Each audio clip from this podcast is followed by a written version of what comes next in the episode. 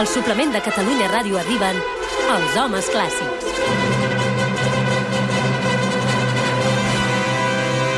Ready, set! Els homes clàssics, una secció que desafina el suplement. Pedro Pardo i Albert Perdona. Galceran. I això que... sí, Perdona, la que desafina de- és la sintonia, Ah, que, que has posat allà dos trompetes que no hi ha manera. No, però això és culpa del Cots, el muntatge musical Ah, del programa sí? estem de l'Albert Cots, que és de falset, i això a vegades... Ja se sap, molt de vermut de falset i vins boníssims, vins boníssims. per Avui què aquí. porteu, nois? Doncs uh, avui volem fer una pregunta, només començar. Doncs va, som-hi. Sí. Sí, perquè mira, ara, clar, tu ets el director i conductor d'un dels programes més importants de ràdio de Catalunya, no? Sí. Però... I ho fas molt bé, I eh? ho fas molt I ho bé, fas eh? molt bé. Va, Què Roger. voleu? Em, a tu t'agradaria triomfar a Amèrica? Ah, hosti, ximfret. Um, no sé, per què ho, dius? Allò, súbelo, súbelo. No, per què ho dius? No, perquè avui volem parlar de músics que han passat l'Atlàntic per triomfar als Estats Units. Han anat d'Europa cap allà. Sí, perquè això de mm, allò que diuen en castellà, cruzar el charco, no? Sí. Eh, no és una cosa d'ara, eh? ja ho van fer els clàssics. Tant d'aquí a allà com d'allà a aquí, eh? I un dels que va voler venir a Europa a triomfar va ser aquest.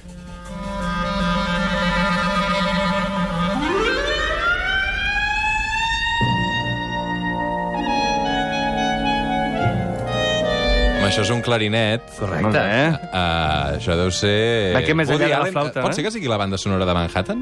És la banda sonora de Manhattan. Ah, sí, senyor. és que, sí, sí, ja, Roger ja ens va demostrar que la setmana passada que això de la música de El cine, cine, el cine, sí. li agrada molt, eh? Però en realitat... Són més de cine que de clàssiques. Sí, ja ho veig, ja ho veig. Però en realitat això que sentim és la Rhapsody en Blue, eh? d'un dels compositors americans més importants del segle XX, que es diu George Gershwin, eh? que a més a més amb el seu germà Ira Gershwin van escriure molts musicals, eh? musicals de la primera meitat del segle. Mm. Doncs resulta que Gershwin, més que triomfar a Europa, volia venir a aprendre dels grans compositors de l'època i es va instal·lar a París per intentar estudiar amb el mític Igor Stravinsky, un compositor rus. I diu la llegenda que quan es van trobar Stravinsky, el compositor de la consagració de la primavera, li va dir Senyor Gershwin, sóc jo qui ha d'aprendre de vostè. Si jo guanyés amb una obra meva el que vostè guanya per un musical, no vindria a aprendre dels europeus. Sí, sí. De fet, que, que sí que va anar als Estats Units a triomfar va ser el compositor del bolero més famós de tots els temps. I no és Monjo. No? És aquest.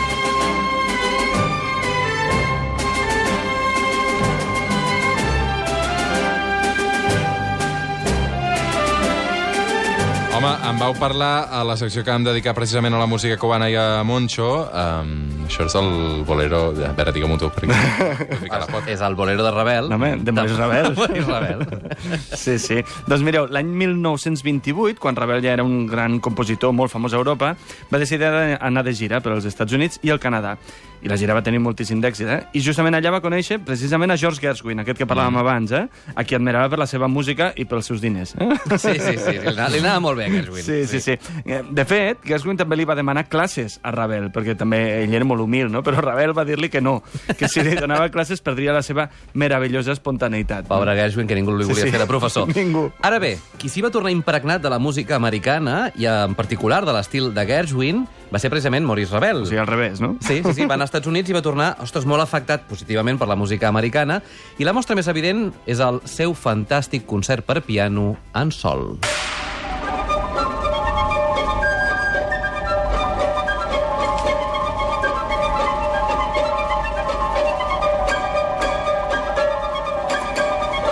Això representa que ens ha de recordar la música Espera, espera, ja veuràs, ja A veuràs. veure. Mira, ara entra el piano. Entren els indis, sí. Ja arriben els indis. Mira, mira. Ara sí, ara aquí hi ha el I cavall. eh? trompeta, exacte, el Un cavall. concert boi. molt, molt xulo. Sí, sí. Però la conquesta d'Amèrica va començar uns quants anys abans, eh, realment, des de la perspectiva musical. De fet, va ser un altre compositor, amb una melodia d'una obra que no avanço encara, que jo crec que tothom coneix. Tiburón.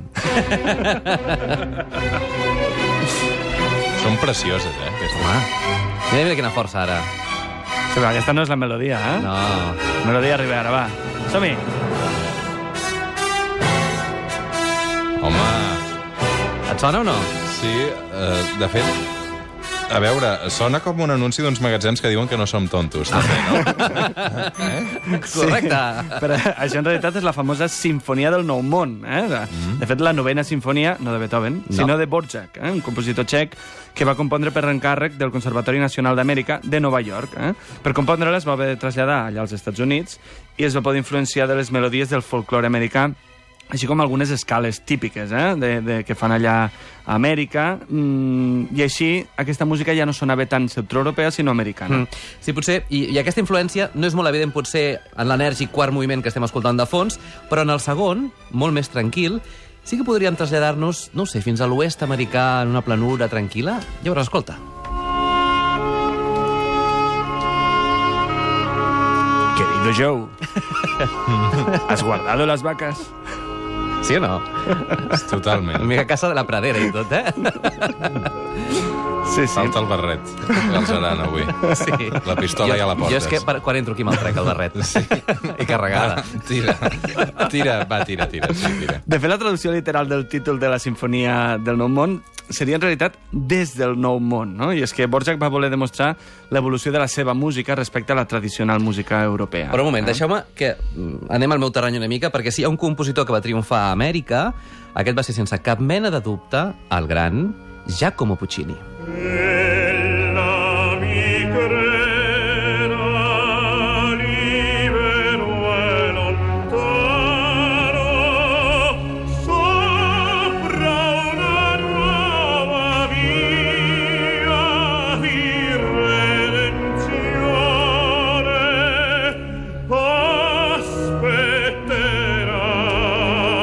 Clar, això americà en principi no sona, no? No massa. Saps qui és aquest que canta, per cert? Pot ser que sigui... És que, clar, em fots d'aquestes mi em posen un compromís. És un que ha perquè cantat Jo ara una- diré un nom, uh, i si és molt bé, però si no és, quedo en evidència. Va, que és un dels tres tenors. És un dels tres tenors. el més O sigui, està clar que no és Josep Carreras. No és Josep Carreras. O sigui, deu ser Plácido Domingo. És. Plácido Domingo, correcte, que dilluns fa 78 anys i Ah. demà a les 10 de la nit li dediquem un programa I als homes clàssics de suplement per colar la falca de... Aquí la tenim. a. Catalunya Sí, Música. sí, de fet, aquesta música s'aproxima més a, a Debussy o a Strauss, eh? que no passa a la música americana típica. Eh? Sembla una mica italiana. Sí, Sí, sí. Fet, és música italiana perquè Puccini era italià. Però saps com es titula aquesta òpera que estem sentint de fons? La noia de l'Oest? La noia de l'Oest, la, la fanxula del West. I és que després d'estrenar Madame Butterfly, i ja tenint en circulació èxits com La Bohème o Tosca, la recent inaugurada Òpera de Nova York va fer un encàrrec a Puccini i havia de compondre una òpera que fos americana. I per això va aprofitar un text del dramaturg, de, del dramaturg David Velasco, el mateix que va escriure la història de la Madame Butterfly, i va crear aquesta òpera que, per cert, va ser la primera estrena mundial d'una òpera a Nova York. Sí, sí, però, escolta'm, després de tanta òpera, que és el terreny de l'Albert, ara em toca a mi. Anem a parlar del meu terreny.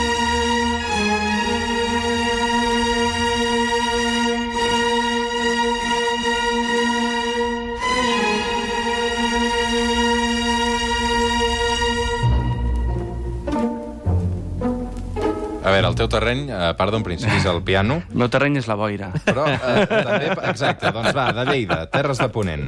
Exacte, eh? perquè això és l'intermezzo de l'òpera Goyescas del lleidatà Enric Granados. Eh? Resulta que l'òpera s'havia d'estrenar a París, però a causa de la Primera Guerra Mundial doncs, va haver de posposar-se Sí, l'estrena. però l'any 1915, l'Òpera de Nova York, el Met, es va interessar pel projecte de Granados i li va oferir la possibilitat d'estrenar-lo allà, en aquell Exacte, teatre. però a a Granados no li agradava gens eh? viatjar en vaixell i va, va accedir a Amèrica per estrenar la seva òpera.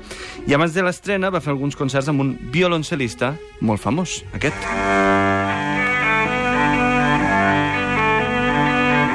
Pau Casals. Pau Casals, aquest que sentim, però això sona una gravació antiga, és Sí, sí, Pau és Casals. ell, és ell. Exacte, Sí, sí. interpretant una de les famoses suites per violoncel de Bach.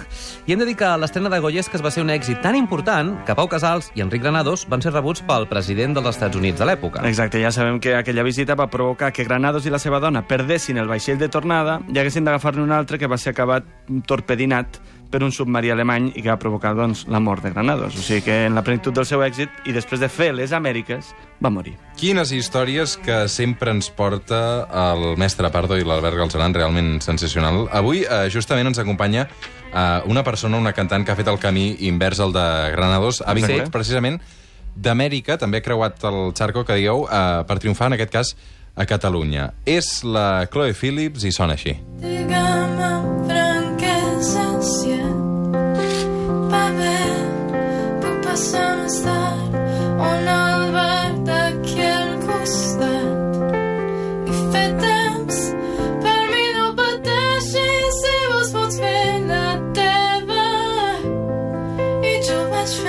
Chloe Phillips, bon dia.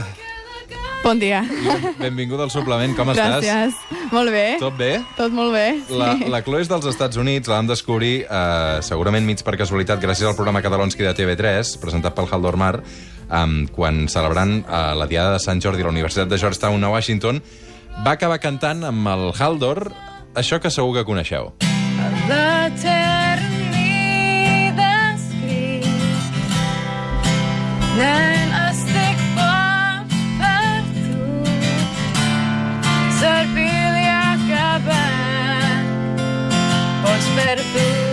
Chloe, què va passar després de- d'aquest Boig per tu a TV3? Uh, doncs vaig uh, tornar al meu pis i vaig pensar que quin dia més estrany. Per què? Per què? Perquè això no, estava, no, no, no havies parat amb el Haldor abans, No. va ser realment casualitat. Sí, realment. I, però és una casualitat que m'ha portat cap aquí un altre cop, vull Clar. dir... Si tu has tornat a Catalunya arran d'aquest programa, d'alguna manera. Sí, d'alguna manera, sí. Bueno, jo sempre volia tornar aquí per viure perquè és el lloc on més m'agrada viure, Mhm. um, però no sabia com ni... No sé, era, era com el senyal que necessitava per dir hauries de tornar. Mm. Clar, tu el català com el vas aprendre? Tu havies vingut una primera vegada a Vilanova i la Geltrú, pot ser això? Sí, sí, jo vaig fer un intercanvi quan tenia 17 anys, 16-17 anys, per un, un any, i després vaig tornar a casa. O sigui, des dels Estats Units a terres a Catalunya per primera vegada amb 17 anys i amb aquest any aprens català a vaig Vilanova. fer primer de batxillerat. Primer de Bat- batxillerat, a, a. Vilanova i la Geltrú. Sí. Vas aprendre el català Sí. i després vas tornar cap a casa. Sí. Però et va agarrar alguna cosa d'aquí a Catalunya. Sí. I arran de Catalonski has dit patapam, ara hi torno. Sí, més o menys. I se t'ha multiplicat la feina o no? Uh, sí? no sé què vol dir. No, està dir, suplement, Està, dir, estàs, estàs treballant més, estàs cantant, Ah, estàs sí, gravant, sí, sí. no? Sí. Um, per què et va agradar Catalunya, Chloe, tu? M'agrada tot sobre Catalunya. M'agrada la gent, m'agrada el temps, m'agrada el menjar, la cultura, uh, no sé, la manera de ser. La gent aquí és, en general, dic, bastant educada.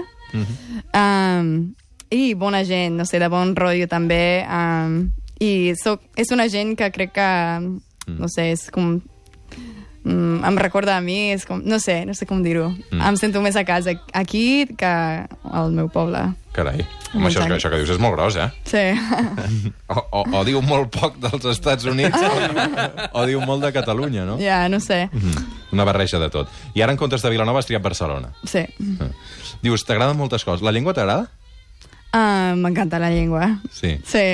Ho dic perquè aquesta setmana eh, t'hem vist molt reivindicativa a Twitter. Has pensat aquest vídeo? A veure, va. Avui alguna persona m'ha dit una cosa de, a Twitter sobre el meu català, que no és perfecte, que no, no dic tot perfectament, i no d'una manera simpàtica, però com insultant-me. Carai.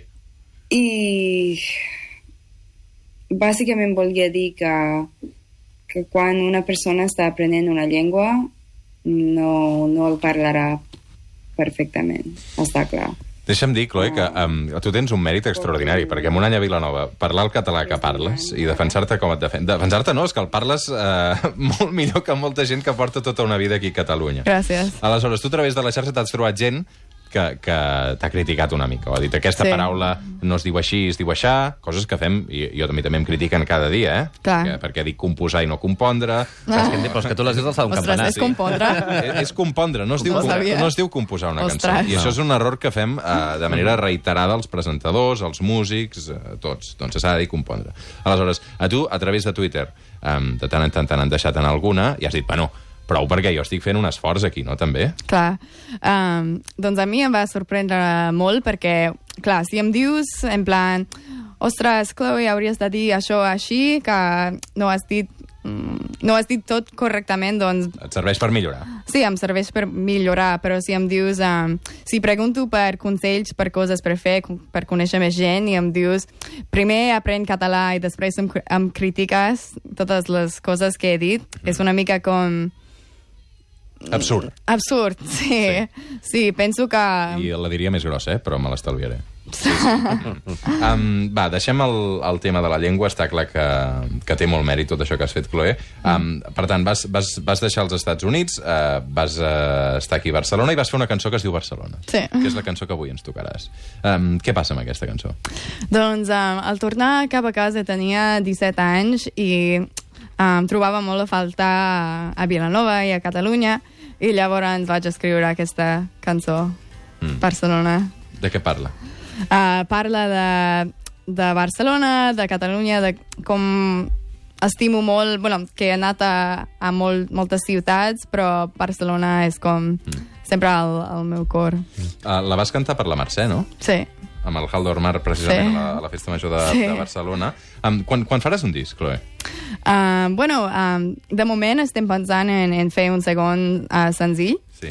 i això sobre el març estic uh, composant, no, comp Component. component. Sí, estic però bueno, component. bé, espera't, ara a veure, a veure com respira Twitter, perquè... No, no, ara realment eh, jo m'agafo... Sigui, no, no vaig actualitzar-ho, a veure què diuen. Endavant, endavant, digues, perdona. Estàs, estàs estic, uh, component. estic component cançons ara i, i a veure, a veure al març si, si arribo a estrenar una cançó, una nova cançó.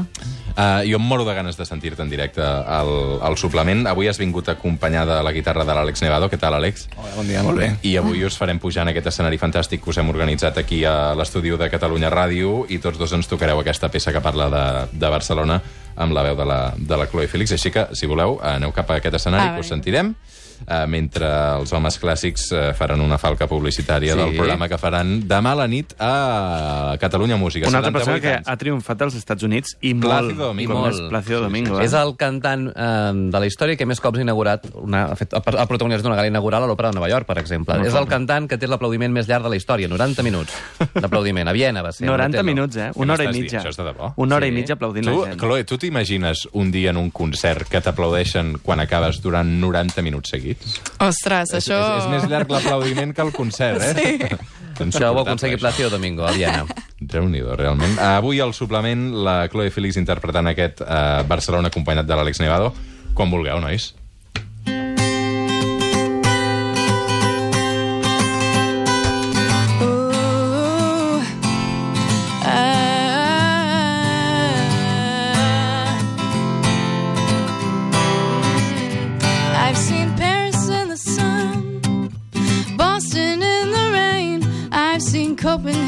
Smiling at me through a window pane. I've seen Colorado snow.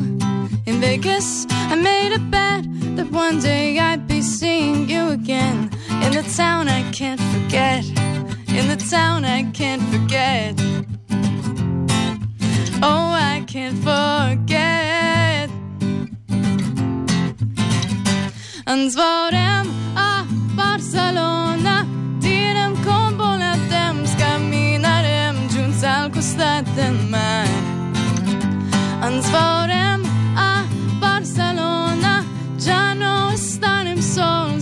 La nostra la nostra. Mm. I've seen London in the fall, Kansas summer winds. I've seen oldest time, Jerusalem, and the place it all begins. I've seen New York shining bright. Spend my days at Central Park, but nowhere compares to my city, to the place that stole my heart, to the place that stole my heart.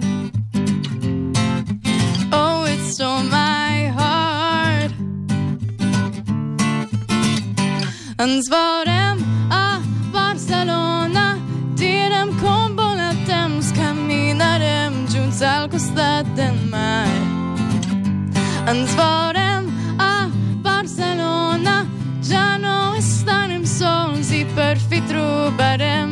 nostra llar, la nostra llar.